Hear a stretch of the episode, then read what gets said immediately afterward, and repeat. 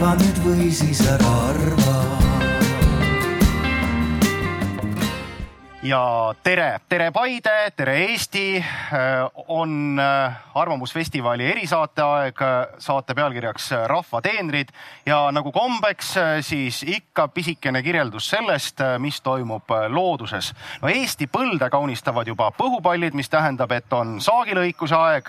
pihlakad on saavutanud oranži jume, on ploomide ja kreekide aeg ja täies hiilguses õitseb praegu ka verev lemmalts kuna tegemist on tülika võõrriigiga, siis see fakt paraku Eestimaa Looduse Fondi ja looduse kaitsjaid ei rõõmusta, aga õitseb ka raudrohi. pikk jutt alustuseks peetud, aga on ka diskussiooni aeg. tänased rahvateenrid on koosseisus Urmo Soomvald Eesti Päevaleht Delfist ja Meelis Mandel Äripäevast. tere teile! Tervist! ja mina olen Mirko Ojakivi Vikerraadiost.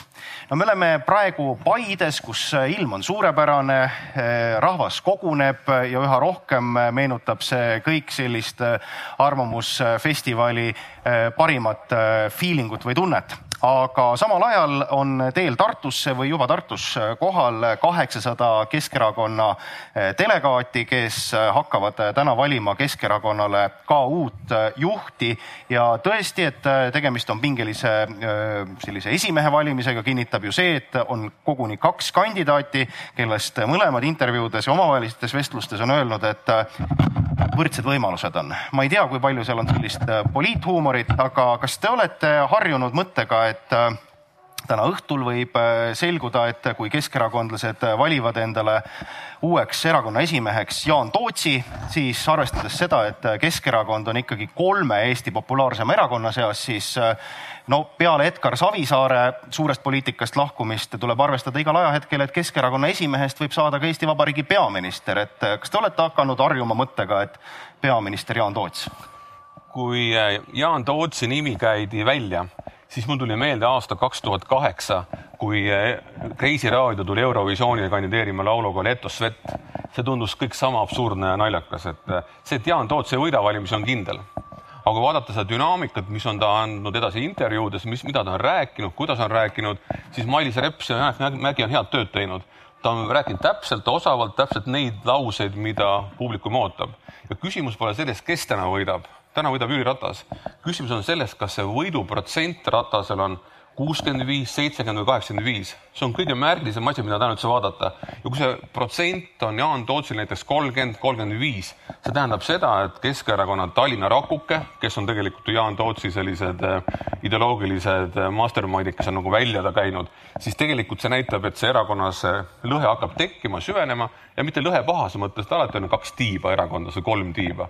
et ses mõttes täna peab jälgima ainult ühte asja, mitu protsenti saab Jaan Toots ja see on Keskerakonna, ütleme siis järgmise aasta tähis ja et ja tõenäoliselt järg, pärast järgmisi valimisi, mis on siis on selle aasta märtsis, järgmise aasta märtsis on parlamendivalimised ja pärast seda tõenäoliselt Jüri Ratas võetakse maha, kuna nad teevad nii halva tulemuse Jüri Ratase Äh, kontrolli all olevas erakonnas ehk jälgime täna seda protsenti, palju saab Jaan Toots, see ongi olulisem. seal kindlasti erakonnasiseselt on veel üks väga oluline indikaator, mida jälgida on, valitakse ka ju muud juhtorganid, et kuidas juhatuse liikmetel jaguneb siis või kuidas jaguneb see äh, Tootsi versus Ratase tiiva siis ja noh, ma ütlen, need on tinglikud nimed, sest tõenäoliselt ega Tootsi tiib, see ei tähenda Jaan Tootsi, see ennekõike, ma saan aru, tähendab praegu Mailis Repsi. Tootsi puhul Äh, vana kunagi nõukogudeaegne miilits, äh, omal ajal ka riigiametist äh, nii-öelda kinga saanud seetõttu, et ta natuke nagu Mailis Repsi meenutas, et tal oli vist isiklik autojuht seal, üks, üks politseinik, kes teda, tema peret Äh, siis tiirutas ja, ja omal ajal Maksim Liksut äh, no, nii-öelda Vene transiidiärimeeste juures korralikku palka teeninud ja üldse mitte toona mitte väga jutukas olnud. võrreldes praegusega, kui ta viimased pool aastat räägib kõigest äh, oma, oma, oma nagu seiklustest, et, et mina ka arvan, et ta praegu veel ei võta seda võimu, aga ma, ma näen ka, et, et, et Keskerakonnas on huvitav täpselt, kes seal juhatusse lõpuks tuleb, oleks huvitav nagu näha. Ja, ja mingisugused asjad käärivad, nii et on huvitav sest me oleme eh, Eesti poliitikas on olnud neid hetki nii eh, Isamaa, kunagises Isamaa liidus, aga ka siis sotsiaaldemokraatide seas, kus esimehe on küll saanud siis noh, ütleme siis üks tiib, aga juhatuses on kas tekkinud patiseis või isegi teisel poolel on selline kerge ülekaal, et et see, see, see on ühe erakonna seisukohast kindlasti väga halb, et äh, kui sul äh, ongi selline kahe peaga äh, lohe, mis siis hakkab tirima ennast kord ühes, kord teises su suunas. noh, kahtlemata on halb, aga, aga jätkuvalt, kui Jaan Toots täna isegi teeb okei okay tulemuse, siis järgmine kord, kui on erakonna esimehe valimised, siis ei kandideeri Toots enam. kas siis on Lauri Laats või Kõlvart see Toots toodi välja kompamiseks. esmapilgul tõesti mitte ainult see Kreisiraadio paralleel, mu esimene tunne oli see, et sellega tahetakse Jüri Ratasele näidata, et noh et tema vastu ei taheta panna mõistlik kandidaat ja pannakse selline nukk eh, noh, poliitiline, vabandust, poliitiline imbetsil koha, kohati, kes tuleb nagu justkui, kui me kujutame ette kuhugi poliitiliste suurte laudade taha. aga tegelikult, mida rohkem vaadata, ta kompab eh, seda turgu, mis on Keskerakonna täna kaheksasaja volikogu liikme eh, või kaheksasaja kongressi osaleja seas ja, ja, ja kokkuvõttes Jaan Toots on sellepärast täna väljas, et Jüri Ratas Jaanus Karilaid mängisid Keskerakonna koha maha. elu te... sees poleks Jaan Toots muidu tulnud seda. kas te olete aru saanud sellest, et eh, kelle poolele hoiab eh, Mihhail Kõlvart, sest eh, kahtlemata Keskerakonna üks selline väga mõjukas poliitik on Mihhail Kõlvart, Tallinna linnapea, et kas Kõlvart on valinud poole? mina arvan, et on. ja ta on praegu Tootsi taga? mina või, arvan. või, või lihtsam oleks öelda, et ta ei ole Jüri Ratase taga? ta pole, ta igas normaalses olukorras, kui oleks Ratas mõistlikult valitsenud erakonda ja olnud valitsuses, ma arvan, et Kõlvart oleks pragmaatilise inimesena olnud Ratase poolt edasi, aga olukord on mänginud kõik nagu mõistlikud kaardid Ratase vastu maha ja Kõlvart äh, jah, ma oletan, et täna on äh, Jaan Tootsi poolt, et mul on põhjust arvata, et Jaan Tootsi väljatulek üldse on seotud Tallinna Keskerakonna poliitikute aktiivse lobitööga, et teda ka esit-, tõi välja niimoodi Keskerakonna Mustamäe rakukene koos äh, Ratasega, nii et ma arvan, et see, see nagu niidid jooksevad päris selgelt. muuseas, äh, Tootsi puhul no ma hakkasin siin, siin teadlikult seda äh, peaministri narratiivi rääkima, aga ega see ei ole ju esimene, ei oleks ju esimene kord, kui Toots täna võidaks, temast saaks Keskerakonna esimees ja siis ta oleks ka Keskerakonna peaministrikandidaat. et kaks tuhat üksteist mäletatavasti Jaan Toots on olnud ju Eesti Rahvaliidu peaministrikandidaat. tõsi, toona Eesti Rahvaliit parlamenti ei saanud ja Eesti Rahvaliit, no see on ju põhimõtteliselt EKRE eelkäija, et, et selline on siis Jaan Tootsi siis mina, poliitiline lugu. mina teda päris maha ei annaks. Jaan Tootsi, ma pigem arvan täna jah, ei ole veel see aeg, aga ma arvan, et järgmine kord, mine sa tea me näeme teda veel seal. Äh, jah, aga meil ei maksa inimesi täna hirmutada, kes ilusat laupäeva, et Jaan Toots saab Keskerakonna esimeheks ja peaministrikandidaadiks, seda, seda ei juhtu. Jaan Toots ei saa kindlasti selleks. ja, no ja ennekõike see on ikkagi Keskerakonna delegaatide valik, aga no tõenäoliselt see, mis Keskerakonnas toimub, kui see teema kuidagi kokku võtta, siis äh, see on tõenäoliselt, need on sümptomid äh, sellises loos, kus siis üks erakond on pääsenud võimule, omanud äh, peaministri positsiooni kahes valitsuses, äh, pannud kokku ka kolmanda valitsuse ja kui ühel hetkel see võim kaotatakse, siis äh, paljud liikmed ei saa aru, mis toimus, millega tegelesid Karilaid ja millega tegeles Ratas, sest kui mõelda paari kuu tagusele olukorrale, kus siis lõpuks Kaja Kallas Keskerakonna valitsusest välja viskas, siis kõik, kes poliitikast natukene lugeda oskavad, mõtlesid, et no ju siis Ratasel ja Karilaiul on see uus koalitsioon paigas. aga nüüd tänaseks on selgunud, et tegelikult seda plaani ei olnud ja see nüüd Keskerakonna eh, siis eh, sisedemokraatias kajastubki. võim on kaotatud, võim anti ära ja tegelikult Keskerakonna viimase viie või kuue aasta lugu on ju ühe inimese sisemise mina lugu noh, tõusud ja langused ja tegelikult ma ei üldistaks seda kogu erakonna peale. ma arvan, et erakond on tahtnud need liikmed olla võimul, viia ellu oma maailmavaadet, aga me saame seda erakonna lugu vaadata ainult ühe inimese loona ja ka, ka selleni välja, miks täna on Jaan Toots, miks võim anti ära, miks ei nähtud kompromisse, miks mängiti mängu omamata käes mitte ühtegi kaarti eks ka Jaan Tootsil on ju kogemus võimu äraandmisel, eks me räägime Tartust, et selles mõttes natukene, ma ei ole küll Keskerakonna hääletaja, aga selles mõttes natuke nukker see on poliitiline pimedus, see on poliitiline pimedus, poliitiline kogenematus, äh, selline natukene ülbus ja noh, oskamatus näha inimeste sisse, inimeste taha, äh, võime mitte leida nagu analüü-, noh, numbrid räägivad ju kõik ja mida ka eriti poliitikas on nagu datamaailm suuresti ja võimetus seda nagu enda jaoks äh, lahti mõtestada jah, noh, Keskerakonna jaoks kindlasti see kõige kesksem küsimus on, kuidas leida üles siis äh, see oma vana valija. Jaan Toots arvab siis, et äh, see kõige suurem trump on see, et tuleb äh, lõhuda siis sellisele Savisaare aegsele pärandile, et kasvõi need väljaütlemised, kus, et kui Savisaar juhtis erakonda, siis oli erakonnas demokraatia. Savisaare ajal rahaasjad olid korras, ilmus ajaleht, tehti televisiooni ja raadiot, noh, tõsi küll, seda televisiooni ju tehti Tallinna maksumaksja raha eest, aga aga ma saan aru, et see Keskerakonnas on tekkinud selline teatud nostalgilisus. eks ta kõneleb ju vene valijale venekeelsele valijale eelkõige, et, et Eesti, Eesti, eestlaste hulgas ei ole väga populaarne. ma arvan, et see, kes selle valija endale võtab, on, seni ei ole Jaan Toots üldse väga-väga halvas olukorras võrreldes Ratasega. ma jätkuvalt, ma Meelis tunnustan, et sa tahad Jaan Tootsi puhul näha selliseid ilusaid hetki, aga tal puudub igasugune võime poliitikat näha ja kui vaadata see intervjuus, mis ta andis ka Vilja Kiisrile, ta tahab televisiooni, tahab ajalehte teha, et ta nagu tahab ehitada seda erakonda aastale kaks tuhat, ma ei tea, viis või aastale kaks tuhat, noh. sa oled poliitikute osas ikkagi väga heal arvamusel.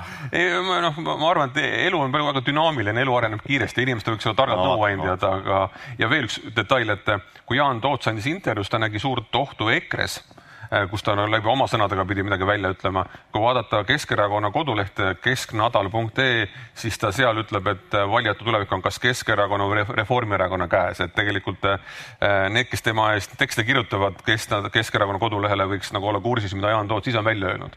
ehk seal nagu on nagu noh, ma jätkuvalt arvan, et kui Kreisi raadio tuleb Eurovisioonile, on huvitav. aga jah, ma jäin äh, veel vaatama ka juhatusse kandideerib kolmkümmend neli inimest, no seal on sellised kogenud äh, poliitikud nagu Igor Gräzin, siis on seal ka ütleme siis äh, natuke vastuolulised isikud, no Eha Võrk, Alar Nääme, Robert Andropov tõeline demokraatiapidu mm. -hmm. et las keskerakondlased äh, valivad ja otsustavad ja täna õhtul muuseas võib juhtuda, et juba siinsamas äh, laval kell kakskümmend null viis, kui on erakonna esimeeste debatt, siis äh, Jüri Ratase asemel on Jaan Toots, ma saan aru, Urmo küll ütles, et seda nii-öelda imet ei sünni, aga elame-näeme. ärme hirmuta inimesi, palun.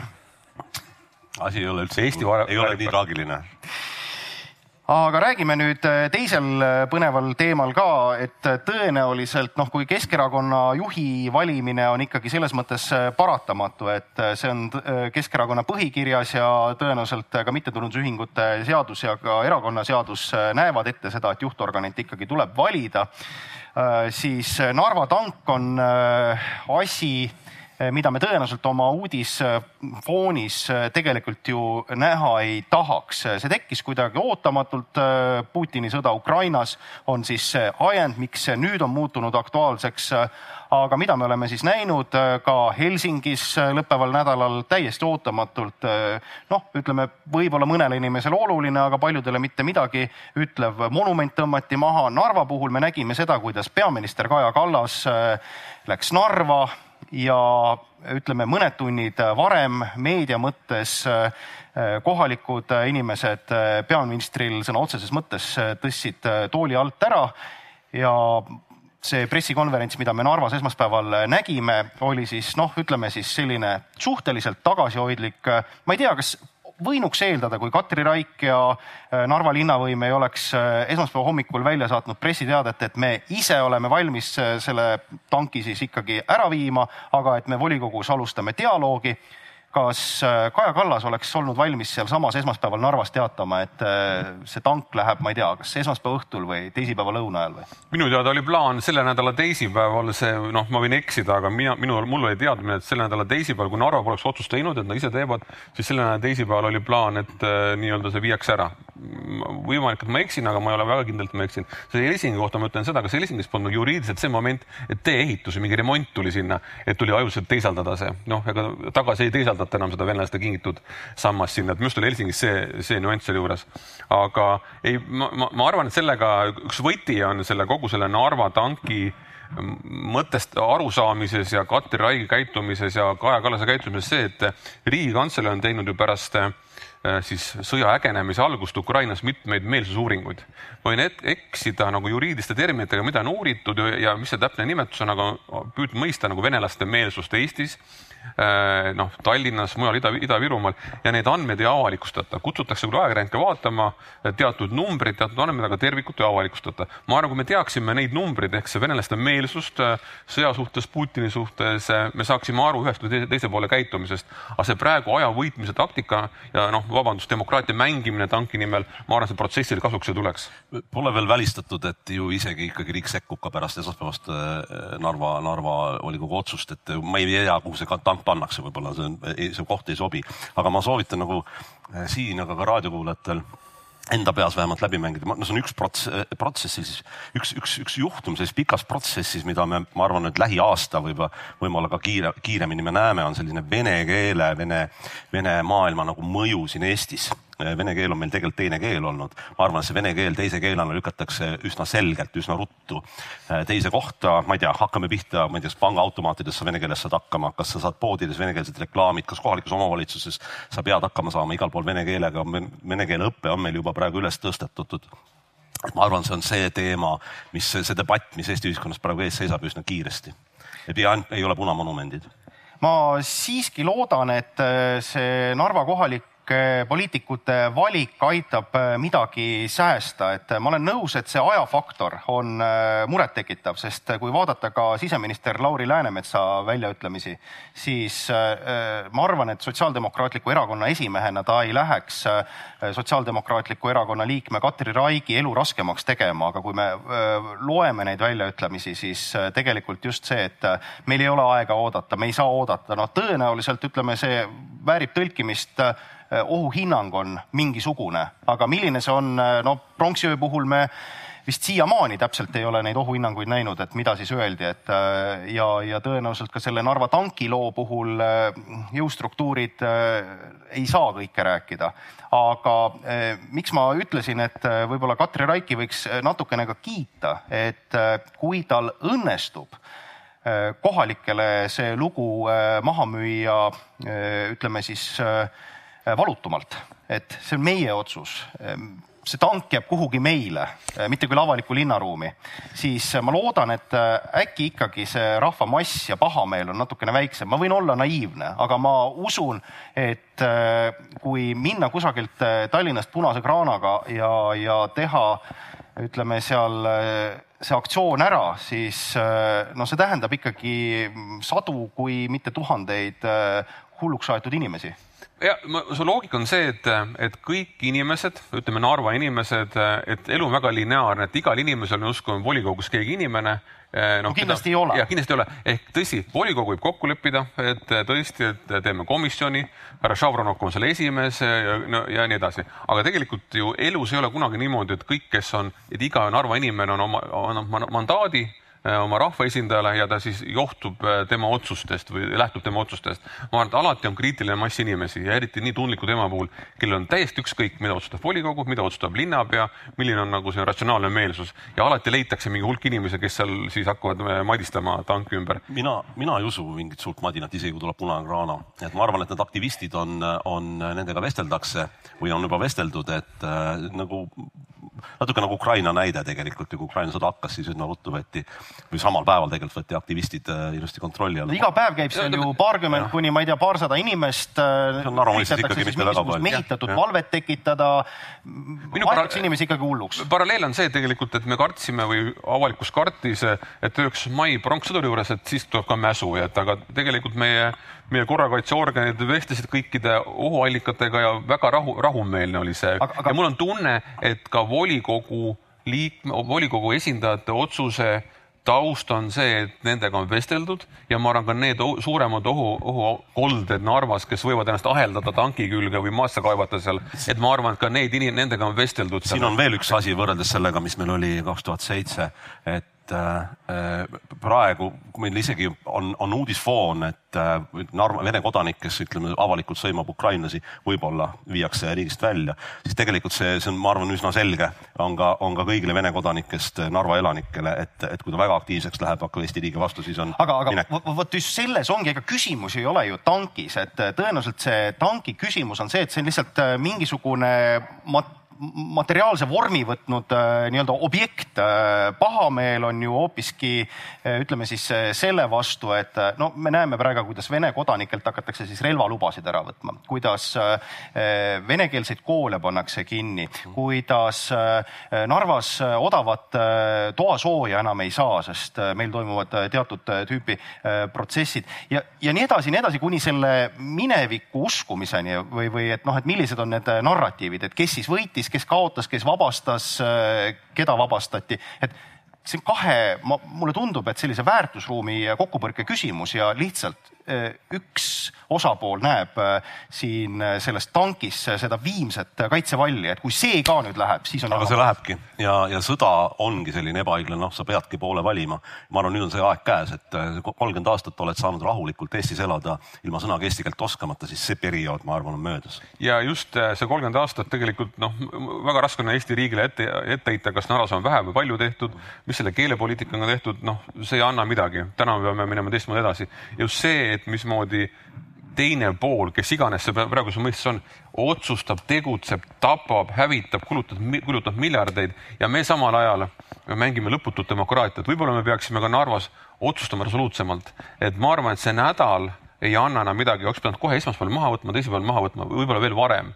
aga see nagu noh, ongi kaks maailma ja, ja ma ei tea, ma, see on, mis toimub, mida Venemaa teeb, noh, see ei mahu kellegi pähe, aga me peame ise ka oma tegevustes, oma väljaütlemistes olema natuke resoluutsemad, natuke kiiremad. ja, on... ja see on Kaja Kallase, vabandust, Meelis, aga ta, ta on erakordselt hea mulje jätnud ju kõikidele maailma väljaannetele, aga tema tõehetk ei ole kunagi selles, kui hästi räägib inglise keelt ja kui hästi annab intervjuusid. tema tõehetk on ainult selle, neil ruutkilomeetritel, mis on Eesti Vabariik ja tema tõehetk, üks tõehetkedest on see, kuidas isegi mitte tanki mahavõtmine, see on ju tehniline küsimus. tema tõehetk on see, mis saab Narvas ja Eestis edasi pärast tanki mahavõtmist ja mis saab edasi, on üks debatt veel puudu, kui ma algul ütlesin, et on, jään peas nagu läbi lasta nüüd mõned, mõned nagu küsimuse kohad, on üks debatt Eestis täiesti puudu, et kas kohalikel omavalitsuste valimistel Vene Föderatsiooni kodanikud erinevalt näiteks Lätist saavad meil osaleda ja võib-olla isegi valimiskogu kaudu kaude ka presidenti valida või mitte. et, et see paneb, see on hoopis nagu, see on noh, fundamentaalne muutus võrreldes sellega, mis mm -hmm. praegu on.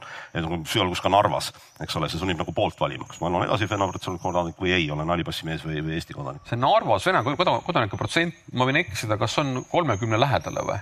see on meeletu arv, see on meeletu arv tegelikult jah, just see kolmas või neljas äh, nii-öelda argument ka, et äh, tõesti, et kui rääkida inimestega Narvast, nad ütlevad, et äh, nende jaoks on väga oluline just see valimisõiguse küsimus. no selles koalitsioonis, mis praegu Eestit valitseb, lepiti, ma saan aru, ikkagi kokku, et selle valimisõiguse äravõtmise teed ei minda. aga kui me jõuame selliste privileegide nii kindlasti üheks privileegiks on Eesti Vabariiki või ka Schengeni alale äh, reisimine, siis äh, see lõppev nädal on ka sellel teemal toonud äh, uudiseid. Ja kui vaadata kasvõi sündmust eilsest, kuidas siis Narva Talli, Tallinna rongist tõsteti maha kaks Venemaa kodanikku, kolmekümne aastane naine, neljakümne aastane mees. Nad saabusid riiki läbi Narva piiripunkti, ühel oli siis taskus Itaalia ja teisel Soome poolt väljastatud Schengeni viisad.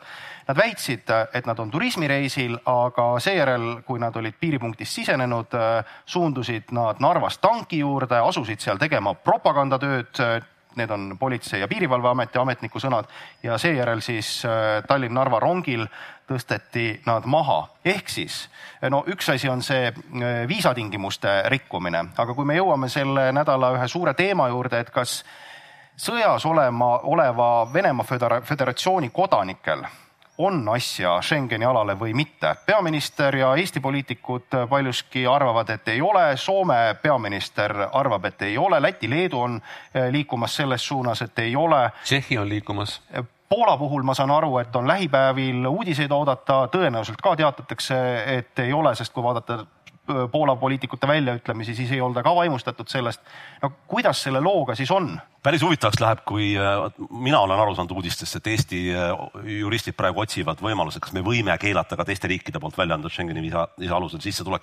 kui see leitakse, et võib, siis te, ma arvan, teevad seda kohe ka soomlased ja, ja lätlased ja siis ongi tegelikult need kolm riiki, maismaapiir ongi ainult EL-ile Venemaal nendega, siis läheb huvitavaks, siis ei olegi vahet, mis see Saksamaa ütleb. aga taas näide Euroopa Liidust, et kui oli, mäletad koroonakriisi, Soome pani piirid kinni, punkt. ei olnud küsimust ka, et taas võib-olla me otsime liiga palju nagu seda ametlikku seadusepügalat. Eesti Vabariigil, Euroopa Liidul on õigus piirid kinni panna, kui on oht meie riigile ja see oht ei tähenda alati seda, et keegi tuleb relvaga, oht on väljendub teistpidi. aga, aga see oht on ju olemas, see oht on tekkinud. ja, ja mina arvan, et ei tohiks enam viisasi väljastada, inimesi siia sisse lasta.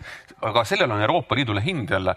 ma vaatasin viimast statistika, mida ma leidsin aastal kaks tuhat kuusteist ja kaks tuhat kaheksateist jätsid turistid Euroopa Liitu Venemaalt üle kahekümne miljardi euro kakskümmend miljardit eurot, see on taas hind. Soome ju tegelikult see Lappeenranta, see, see Venemaa vastu piirkond praegu ägiseb, et raha on ära kadunud, aga see on see hind, mida me oleme sunnitud maksma.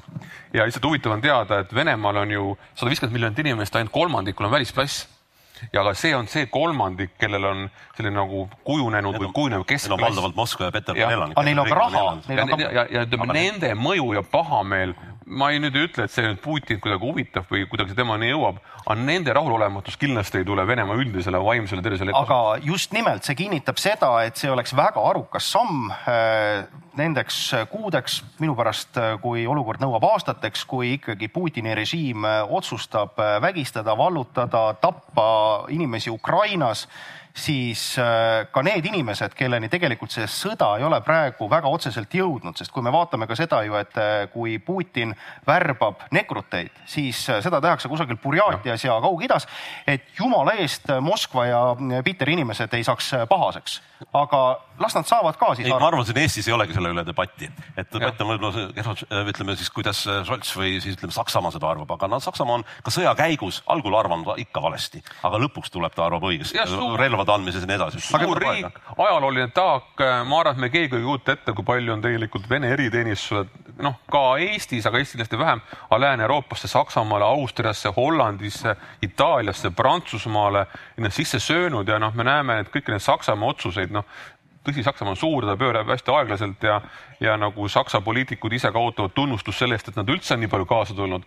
aga noh, taas sõja tingimustes peab olema otsustamisprotsess korduvalt kiirem. aga ikkagi see tekitab küsimuse, et eh, no kuidas Saksamaa eh, siis liidukantsler jõuab sellise tõdemuseni, et Moskva vastased sanktsioonid ei tohi kahjustada tavalisi Venemaa inimesi. ta ju räägib enda valijatega, me peame seda aru saama. ta räägib enda valijatega, järelikult mingi suur osa valijatest niimoodi arvab, et see võtab aega, enne ei tule ta, mina arvan, et enne tema retoorika ei muutu, kui natukene on valijate arusaam veidi muutunud, ta tuleb sellele järgi. sama ju eh, retoorika oli siis, kui olid paar aastat tagasi Lukašenka vastased rahutused äh, Valgevenes, ka siis ei asutud ju Valgevene inimeste nagu väljundeid piirama üldse. piirati Lukašenkat, kohalikke oligarhe, poliitikuid ja nii edasi, eks ju. aga siis oli sama loogika, et las Valgevene inimestel jääb võimalus liikuda äh, Euroopas. aga noh, kuskil, kuskil tuleb tõmmata piir selle, selle lõputule empaatiale ja demokraatiale suhetes Valgevene ja Venemaaga. jah, ma arvan, et kui me, kui me kõik, kes siin on Paides ja kuulavad raadiot iga päev, loevad neid, mis toimub, äh, mida Venemaa teeb Ukrainale, minu arust me peaksime see nagu igasuguse empiirika kahjuks ära kaotama.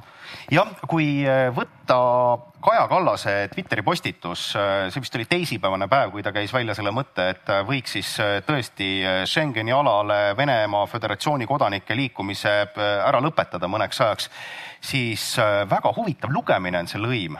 seal oli ma arvan, et ma lugesin kakskümmend neli tundi hiljem veel neid värskemaid postitusi.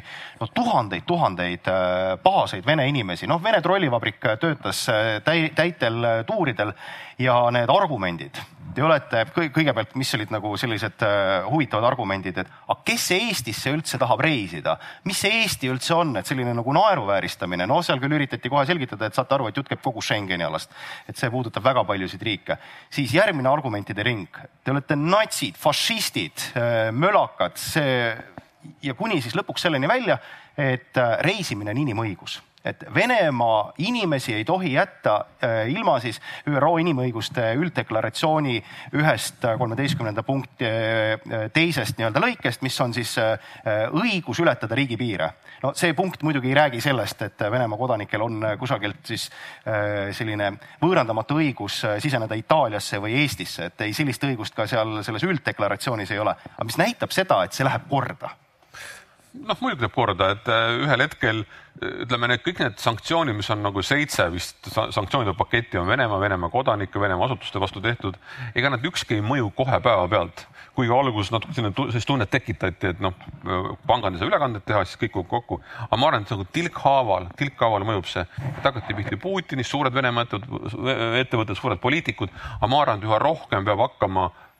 mõjutama Venemaa kodanikke, neid, kellel on nagu ühiskondlikus mingi, mingi positsioon, kes on mingi ametite peal, et ja ega muud varianti ei ole, muud varianti ei ole, sest me ütleme täna vist juba viies kord, lõputu demokraatiaga me sõda ei võida.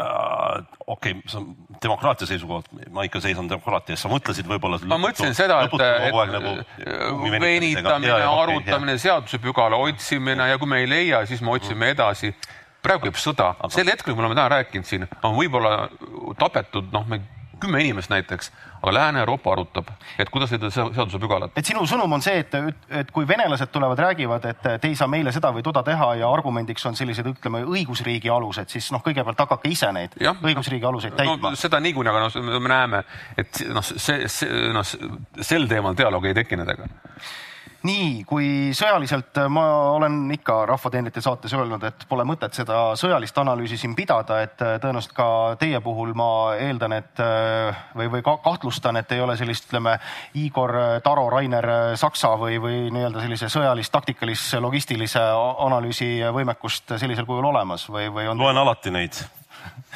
aga jah, ma ei, ma arvan, et me võime muul teemal paremini rääkida. aga ära võiks märkida see, kui tõesti on nüüd ütleme Krimmi pommitamine, lennujaama pommitamine, see on märgiline.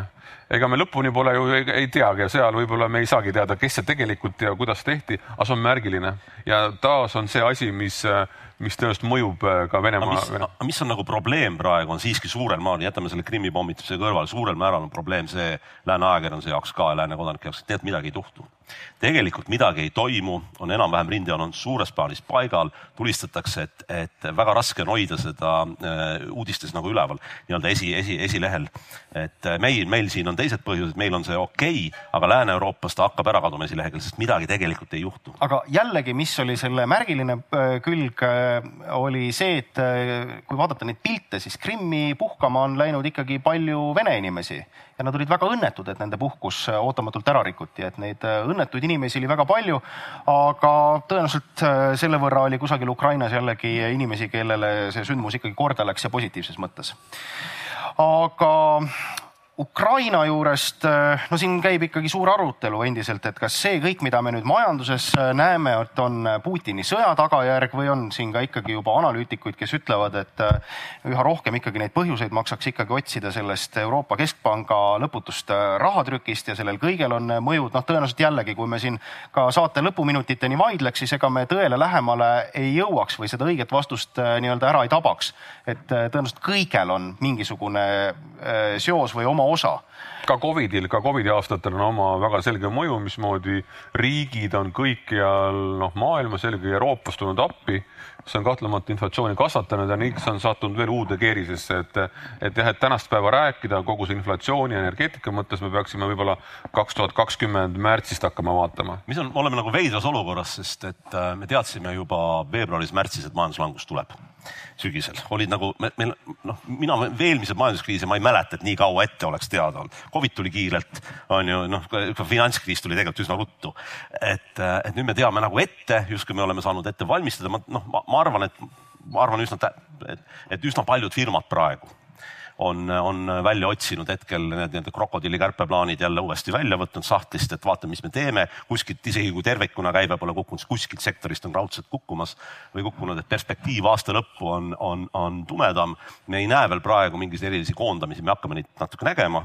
on ju, kas see läheb koondamisse või mingit muul kool kulude kokkuhoid hakkab, on praegu firmajuhtidel uuesti laual. nii et see on see teema ja noh, intressitõus, mis vist ilmselt ei tule nii hull, kui veel kevadel minagi ennustasin või teised, et, et tõenäoliselt nii hull siin Euroopas ei tule, see on teisest küljest jälle nagu hea, aga, aga selline oodatud majanduslangus ei süvene, see on nagu sa näed kaugelt-kaugelt suurt lainet ja siis sa noh, kuidas sa siis valmistad ette selles majanduslanguses? üldiselt minu reegel on see, et kui juba nagu suur hulk inimesi hakkab rääkima majanduslangusest, tähendab, see on kohal loogika on see, et see on kohal, inimesed juba nagu, nagu projitseerivad ette seda, mis on kohal. no kõige varajasem samm on see, kui ikkagi taksojuhid hakkavad rääkima aktsiahindadest ja aktsiate ostmisest, siis on selge, et veel mõni hetk ja siis on kohal. aga noh, praegu ikkagi mina arvan, et see majanduslangus ei tule pikk, et ta tuleb lühike šokk, kinnisvaraturul võib-olla isegi on hea, et saab jälle natukene nagu võib-olla tingida allapoole või, või nagu läheb nagu, nagu tavaliselt. Ja see on hea, et rahal on hind. eile, muuseas, muuseas eile ühes äh, debatis äh, arutati, püüti välja arvutada see, et mis see siis Eesti äh, rahvale maksma läheb, kogu see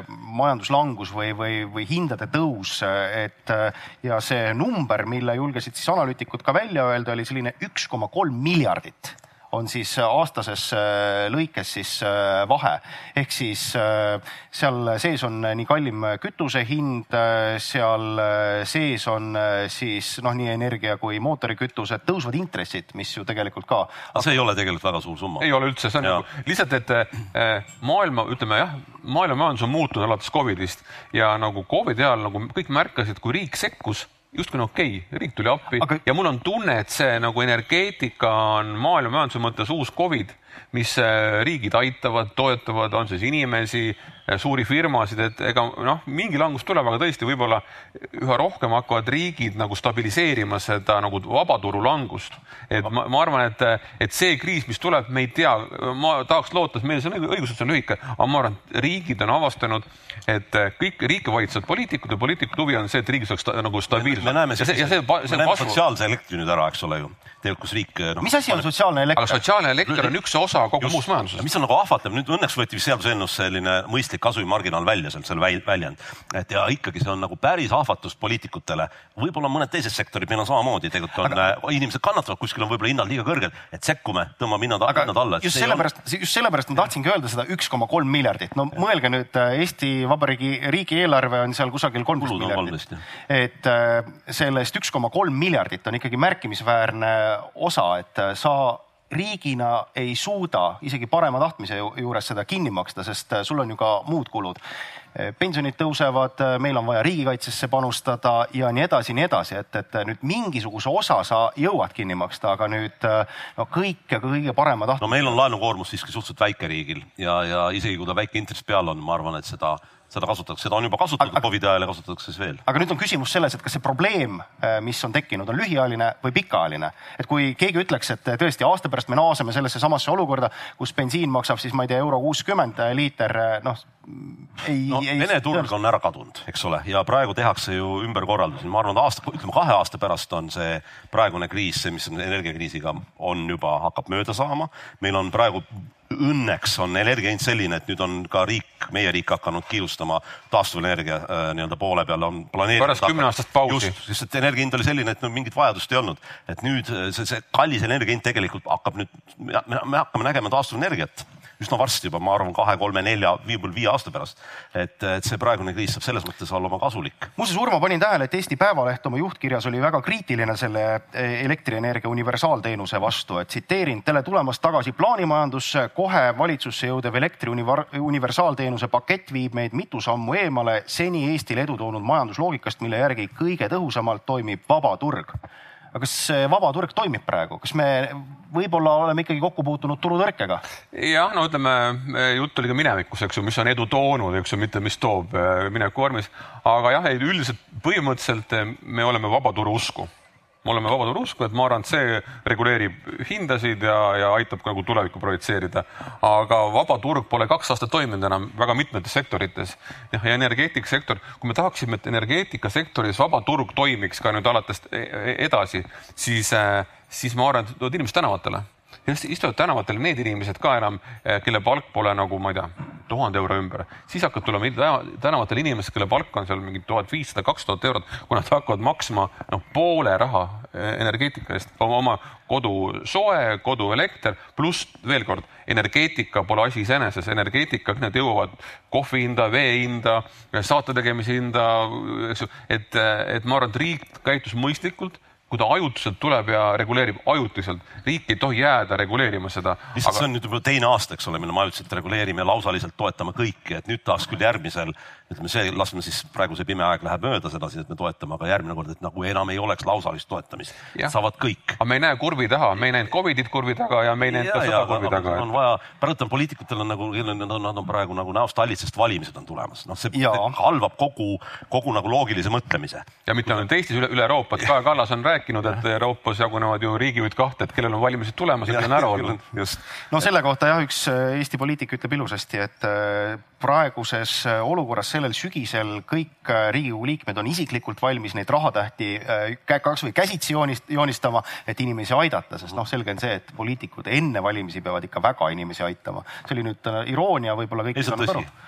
aga mis puudutab siis, no kui me võtame tegelikult ka lõppeval nädalal ikkagi on olnud siis tunde, kus elekter nii-öelda tunnihinnana on maksnud üle kuuesaja euro, üle seitsmesaja euro, siin selle nädala alguses oli ka veelgi kopsakamaid tunnihindu. noh, siin on sotsiaalmeedias arutatamas ka sellise teoreetilise olukorra üle, et kui tõesti need kahe tuhande eurosed tunnihinnad kusagil tööpäeva õhtutes nüüd külmematel perioodidel tulevad, siis inimene kulutab siis, no ostab poest endale selle tallegi kana, paneb selle ahju ja selle kana valmistamine, valmistamise elektrikulu on sama kallis kui siis see kana. aga selleks ongi poliitikutel loodud sotsiaalelekter, mis me, mida me nüüd siis talvel näeme, on teatud hinnalagi, eks ole, sa saad oma kana ilusasti ära teha, sellel on hind, aga seda hinda sina ei pea praegu mõtlema selle peale. kas sa muuseas tead, kuidas äh, Helir-Valdor Seeder defineerib äh, sotsiaalelektrit?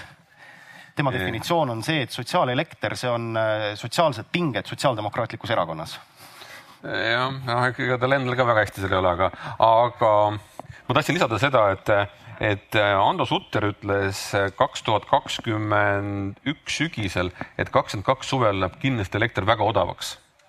no me ei ole näinud odavat elektrit ja mul on tunne, et seal on ka teatud nagu, nagu selline lektor on ka Ando Sutteri ja uut, uute ministrite vahel kogu selle hinna kujunemises, hinna laes, kompenseerimises. kõik praegu kiruvad selle elektribörsi, ma tuletan meelde, me tegelikult oli aastaid oli elektribörs toimus ja meil oli, Eestis oli odav. tegelikult oli Eestis odav elekter ka võrreldes siin mõnede teiste riikidega, nii et me saime, et siis praegu on sõda, lihtsalt see praegu on see ekstreemsus ongi, see ei ole võib-olla elektrituru või ka või börsiviga. sõda küll, aga ikkagi inimestel on küsimus väga põhjendatud küsimus, et miks on Soomes elekter odavam mm. -hmm jah, no me oleme ühe, ühes süsteemis, miks ja. on Soomes elekter odavam, miks on Eestis elekter nii kallis, kui me oleme ühes süsteemis ja Soomes juhin tähelepanu, on ju palk, keskmine palk kaks korda kõrgem.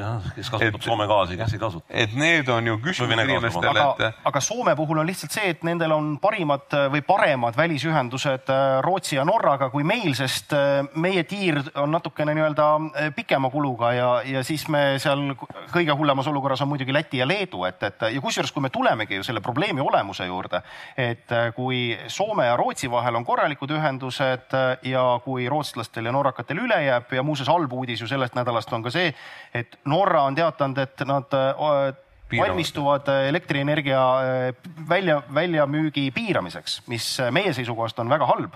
see tähendab seda, et odavat Norra hüdroelektrit ei tule. ja aga, aga, aga miks on meil kallis? meil on kallis ju sellepärast, et lätlased ja leedukad need vanad, äh, vabandage väga väljenduse eest, tõprad on jätnud investeeringud tegemata. ja, ja tagajärg on see, et äh, lihtsalt meie kannatame. see on pooltõde, teise poole ütles ju Meelis saate alguses, et, et kus on meie tuulikud. me kümme aastat ei tohti ehitada mitte, mitte midagi, mis meil taastuvenergiat toodaks. kümme aastat midagi ei tehtud ettevõtjad olid nõus investeerima ja tegema ei lubatud erinevatel põhjustel. kas see on üks põhjus, miks me täna maksame sellist hinda? aga see eh, muuseas lõppevasse nädalasse jääb ka ju uudis, kuidas valitsus kehtestas eh, või siis kinnitas eh, järgmised taastuvenergia toetuste saajad. hinnad on küll alla tulnud ja üha rohkem juba arendusi tasub ka ise ilma toetuseta ära, aga mis on halb uudis, et kui te vaatate, siis seal oli vist ainult üks tuulepark ja see oli ka Eesti Energia projekt, kus poolenisti olid siis päiksepaneelid. et päikest tahetakse küll väga rajada, aga, aga kui. tulevad, tulevad tuulepargid ka. Kui... palju siin Enefit Greeni aktsionäre on, aga neil on päris head nagu kohad olemas, nii et läheb no loodame, aga siis, mis puudutab seda energia ja, ja hindade debatti, siis äh, tõesti, et äh, see lahendus ei saa olla pikaaegselt äh, kõige kinnimaksmine, sest see on liigselt kulukas ja ühel hetkel see olukord ikkagi lõpeb sellega, et turumajandus hakkab toimima ja enne kui pärast pikka doteerimist ja kui me ootame, et turumajandus hakkab toimima, mis on poliitiline otsus poliitikud peavad selle otsuse tegema, turumajandus iseenesest ei hakka toimuma, et äh, käib pauk ja ütleme läbi paugu hakkab uuesti turg toimima. Ja selle paugu saavad esile kutsuda ainult rahva poolt valitud poliitikud. Ja kas poliitikud tahavad seda otsust teha, millise nagu ajavälpega see tuleb, see on väga huvitav, aga veel kord, see pau, ainult pauguga läheb turg uuesti tööle. noh, kriis on alati selles mõttes hea, ma viin korra mõtte laiemaks, mis puudutab turumajandusse, et tegelikult me näeme sellist äh, protektsionistlikku suhtumist laiemalt üldse. see hakkas koroonaga pihta, kus riigid hakkasid selgelt äh, algul riigipiire suunama, hiljem oma ettevõtjaid rohkem soosima, eks ole, et selline noh, Euroopa Liidus ka, et äh, seda on näha ja see, see, see süveneb. meil siin juba viiakse, eks ole, tootmist Saksamaale, et kuna Saksa riik kombel või teisel nagu toetab, on ju, sa oled siis lähedal, saad hangetel osaleda. et, et siin on no see, sellel on nii plussi kui miinuseid, kui siin vaatad, et selline noh, kapseldumine teatud määral. noh, tänu Hiinale ja tänu sõjale üldse tuuakse tootmist natukene siia lähemale, aga selline protektsionistlik, natsionalistlik meelelaad ka turumajandus. aga, aga mõtle, kui nüüd siis meil on kogu aeg ehitatud sellist siis suurt elektriturgu, vaba elektriturgu Nordkapist kuni siis Gibraltarini välja ja kui nüüd ühel hetkel hakkab see protektsionism äh, siin pihta, et kui kõik hakkavad käituma nagu äh, Norra, muuseas Norra ei ole esimene, äh, siin paar külma talve tagasi oli ju tegelikult Taani ja ja Rootsi, Rootsi vahel, vahel elektrikaubandus peatati, kuna üks süsteemi operaatoritest, süsteemi halduritest noh tõi tehnilise põhjuse, aga kõik said aru, et see põhjus ei olnud tehniline, vaid see häda oli selles lihtsalt, et äh, hind läks liiga kõrgeks. ma olen ka Urmo meelt, ma olen, ma usun vaba turgu, et see paneb lõpuks asjad paika, praegu lihtsalt on erakorraliselt kadus ära äh, või kaob ära ida, ida noh, energia, Vene energia, see nagu lõhkus kõiksugu, kõiksugu koostööprojektid ja, ja, ja plaanid ära. et noh, siit viie aasta perspektiivis ma arvan, et energiaturu osas on, on okeid. aga me peame, kui me räägime energiaturust ja energia tulevikust, me räägime nagu, ma jätan jätame nagu rääkimata selle, et see on kaasnev rohepöördega, mis on ka, et see on rohepööre ja energeetika tulevik omavahel väga seotud ja nüüd küsimus, kas see energeetika tulevik on see järgmised paar-kolm aastat, kas see lükkab, kas me peaksime rohepööret kiirendama või see lükkab edasi, see on ka üks küsimus. kui me tahame seda kiiremini teha, siis omakorda muudab täna energia tootmise veel kallimaks, et me oleksime, suudaksime piisavad investeeringud teha. ei no aga küsimus on selles, et kui ju uusi võimsusi ei teki, siis sa ju maksustad seda õnnetut tarbijat veel rohkem, sest kui me mõtleme Just, ju selle peale. mis jääb täna kallimaks. tulevad uued võimsused, tulevad, nüüd on ju tuuma, tuumaenergia on roheliseks energiaks tegelikult määratud määratletud. no roheliselt sellega nõus ei ole muidugi. no ütleme, ta võib olla roheline, aga nagu kui me Eesti Vabariigis pole kohta, kui me ei suutnud Väimelas kokku leppida, et tuleb see muna teha või mune tootma, me ei suutnud selles kokku leppida. näidake mulle omavalitsust, kes on nõus ütlema jah ehitage siia tuumajaam, me oleme valmis selleks. kõik oleneb, kõik oleneb taluvustasust või nagu sa nimetad. kui sa saad ikkagi, topitakse sul kurk dollareid täis, siis sa ma, ma näidan, mu, mu, mu retooriline küsimus jääb, näidake seda omavalitsust, kus inimesed on nõus, et siin on mu lasteaed, siin on mu kool, siin on tuumajaam, siin on ujula. no ei, aga, ei ole see nii lihtne. aga Meelis, tegelikult äh, ega see diskussioon, meil on ju nüüd äh, tulnud seesama, et kui äh, roheenergia projektid on ennekõike siis tuulikute puhul, siis omavalitsus saab või kogukond saab teatud tulu minu küsimus alati on olnud see, et kus see piir tõmmata, et kui keegi tahab sinnasamma kõrvale sigalat rajada, kas peab ka maksma? See on tema otsus ma arvan, et see on täiesti normaalne käitumine, erakapital, kui ta tahab kohalike elanikega, kellel on otsustusõigus, tahab nad nii-öelda oma paati saada, siis tuleb neile midagi vastu pakkuda. kaup, tavaline turul, see ei ole nii, et ma panen siis igala püsti. mille pärast meil see tselluloositehas tegelikult untsu läks, oli see, et ei hakatud kohalikul tasandil pihta.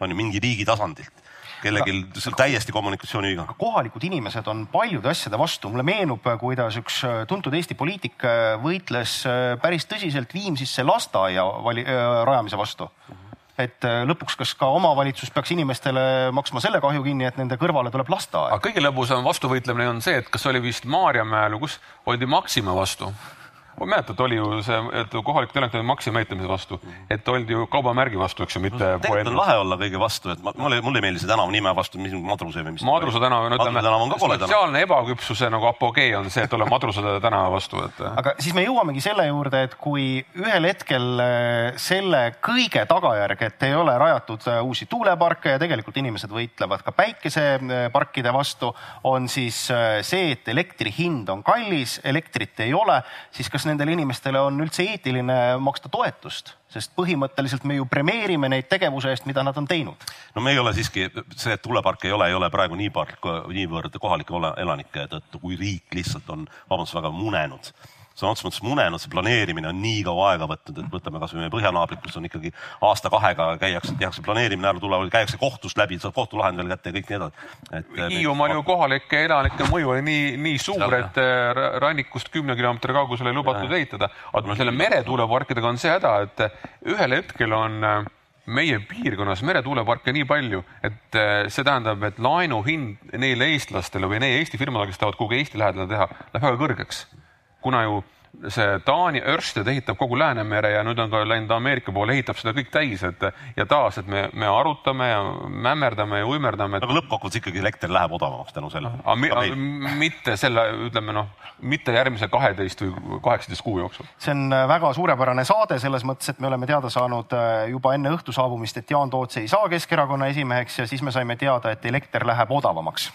aga kui tulla nagu ikka Arvamusfestivali saate, erisaate äh, peaküsimuse juurde, siis äh, mida me arvame Arvamusfestivalist, et äh, Urmo, kas äh, sinu arvamused kõikide nende Arvamusfestivali saadete sarjas on nüüd muutunud või sa oled jätkuvalt seisukohal, et Arvamusfestivali on vaja?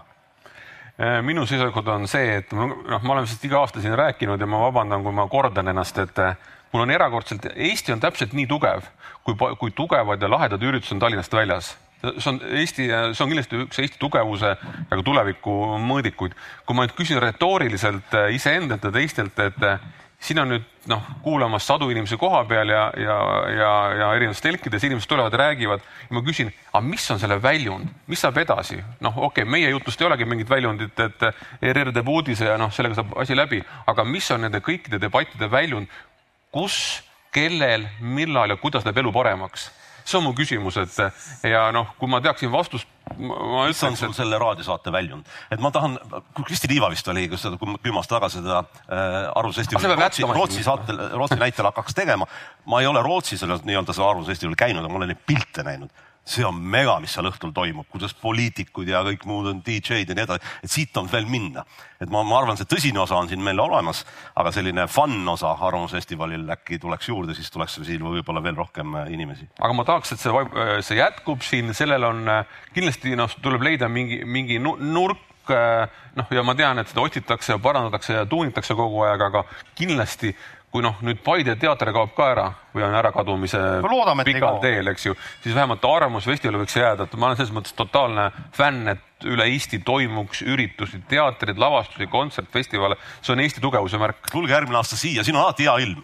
ma ei tea, miks, aga siin on, minu meelest on alati siin sel ajal hea ilm. ja, ja siis mina loodan, et Paides tekib midagi lisaks Arvamusfestivalile ka, sest ma eelmisel aastal juhtusin jääma ka laupäeva ööl vastu pühapäeva siia ja see, mis pühapäeva hommikul Paidest alles oli jäänud, põhimõtteliselt kõik kohvikud olid kinni, see oli nagu selline tõld, mis oli muutunud kõrvitsaks tagasi, et ma loodaks, et seda tõlda ikkagi siin Paides on rohkem ja kui ka homme hommikul kusagil linna peal kohvikut otsida, siis on võimalik saada putru ja omletti ja saab ka tassi kohvi ja, ja tomatimahla ja inimesed tõesti, et ärge ainult kord aastas käige Paides, tulge siia, sest tegemist on ikkagi väga kauni Eesti linnaga ja hea uudis, te tulite Tallinna poolt, ma saan aru, jällegi natukene seda neljarajalist teed on juures, tõsi küll, praegu veel nii-öelda praegu tuleb nautida iga hetke, mil teetööd on, sest need kaovad varsti ära. varsti me järgnevatel aastatel Eesti riiki ei ehita, nii et selles mõttes praegu nautige igat järjekorda, mis on teetöödel. mina tulin Tartu poolt,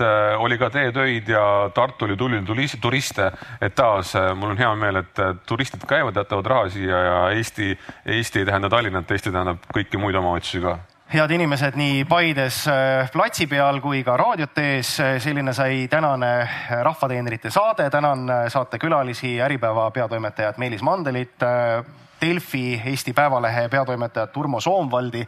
mina olen Mirko Ojakivi Vikerraadiost, aga Vikerraadio kuulajad, teadke, et meie ülekanded Arvamusfestivalilt ei ole tänaseks äh, läbi saanud. kell kakskümmend null viis alustame juba siit äh, erakonna esimeeste debatiga, nii et kuulake ja uute kohtumisteni. Selge see, et ega kõike kõike teha